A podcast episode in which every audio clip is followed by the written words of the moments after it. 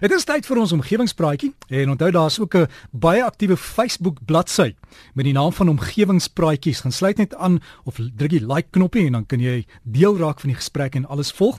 En ook as 'n potgooi sal die gesprek wat jy nou gaan hoor maandag op RSG se webtuiste beskikbaar wees. Ons sluit aan by professor Kobus van der Walt van Noordwes Universiteit. Môre professor. Môre Derek, môre al ons omgewingsvriende. Ja, eh, hier in Potchefstroom skyn die son te heerlik, Dirk, en uh, ek wil graag ook uh, vanoggend gesels oor 'n lekker geselsbrief wat ek ontvang het van meneer Louis Ackerman wat as pensionaris steeds by Onderste Poort werksaam is. En hy vertel dat beide sy dogters in Australië woon en dat hy en sy vrou per geleentheid vir hulle gaan kuier as hulle geld sake dit nou toelaat. Nou hy is beïndruk met die hele klomp goed wat die Australiërs reg doen om ons planeet groen en skoon te hou en hy deel dit graag met ons want ons kan maar gaan leer lyk vir my wat die Australiërs. Louis sê dat die Australiese regering mense subsidieer om sonselle op hulle dakke te plaas.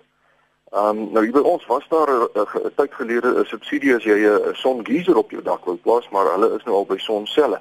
So gevolglik bedryf jy dan so ver moontlik jou swaarder elektriese toerusting, so skottelgoedwassers en wasmasjiene deur die dag wanneer die sonselle nou vir jou genoeg krag lewer.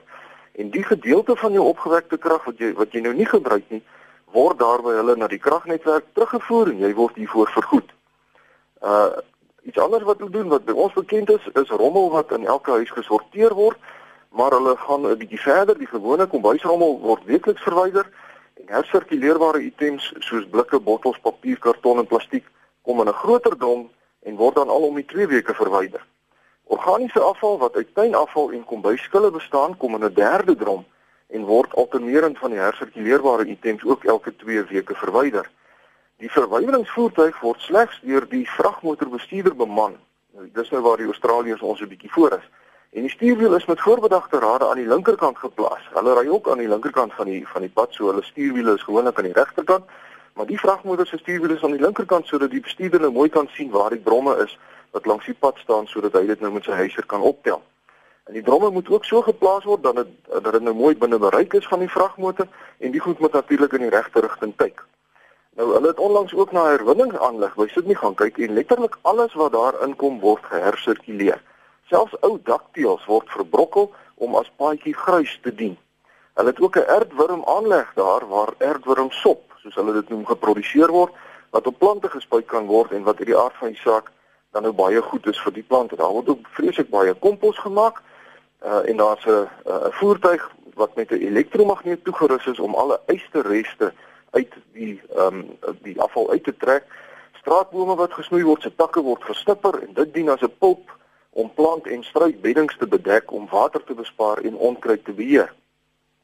Hy sê as mens gaan stap met jou hond en die hond het nou 'n uh, uh, ietsie gelos daar, 'n sponsdoring of 'n landmyn, dan moet dit opgetel word en in 'n houer wat beskikbaar is geplaas word. En bewaar jou siel as 'n konstabel jou sien en jy dit nie dat jy dit nie doen nie want dan is 'n lekker stywe boete jou voorhand.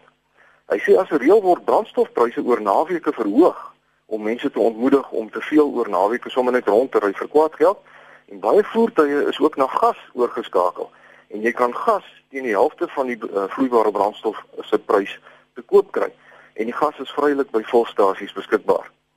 Hy sê mense wat brandende sigaretstompies sommer net neergooi word beboet en by baie afdraaipunte langs die pad is daar toiletgeriewe aangebring wat soos meneer Ackerman dit noem die betroubare longdropstelsel gebruik.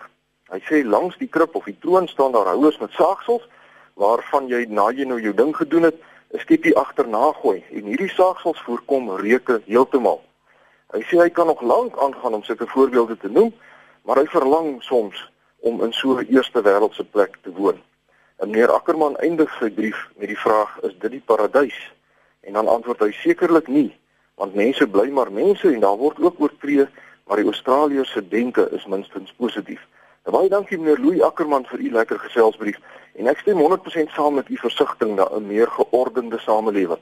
Die manier hoe daar in Australië met afval te werk gegaan word, maak mos perfekte logiese sin. En al wat nodig is is 'n paar kundige mense om om 'n tafel te gaan sit en die saakies oordentlik te beplan en dan uit te voer. En ek het al baie gedink dat hierdie enkele aspek waarskynlik die verskil tussen die eerste en die derde wêreld verteenwoordig. Die onvermoë van die derde wêreld om logiese planne op te stel en dan veral om dit uit te voer. Daar's altyd planne, maar die mense doen dit nie. Want as mens na die meeste van die goed kyk, dan is dit nou nie ingewikkelde beginsels en so nie. Dit verg net logiese denke en dan natuurlik gedissiplineerde pligsgetroue mense wat dit uitvoer, soos byvoorbeeld die sonpanele op die Australiese dakke of die manier hoe afval verwerk word. Nou, ons het ook sonpanele in Suid-Afrika en ons het ook 'n kragnetwerk en ons het selfs beter sonlig as Australië. So waarom sukkel ons dan nou so om 'n stelsel te implementeer van subsidies en die terugkoop van oortollige krag? Ons hoef dit nie eens uit te dink nie, ons kan maar net gaan kyk hoe word dit gedoen. Nou, om een of ander rede is daar 'n denkraamwerk verskil wat sulke inisiatiewe blokkeer. Oor die toiletgeriewe langs die paaie byvoorbeeld, wat is nou moeilik daaraan? Ons kan dit mos baie maklik hier in Suid-Afrika doen en dan sal mense nie langer soos onbeskaamde barbare langs die paaie staan en ireneer nie. En ek weet nie of dit 'n teken van passiewe verset is nie, maar dit wil my voorkom of baie mans deesdae met opset nie eers meer hulle rug draai na mense wat hulle kan sien nie en dit steek my absoluut dwars in die krop. Nou wat is nou makliker om basiese geriewe te voorsien wat skoon gehou word? Dis 'n bietjie werkskepping en dit sal die menswaardigheid van alle mense erken en eerbiedig. En as ons ook kyk na iets soos rioolwerke, niemand wil langs 'n rioolstroom bly nie, 'n besoedelde rivier nie. En ons het die kennis en die infrastruktuur in Suid-Afrika om riool eh, behoorlik te behandel, maar die infrastruktuur word in baie gevalle nie onderhou nie en die verkeerde mense word om die verkeerde redes aangestel.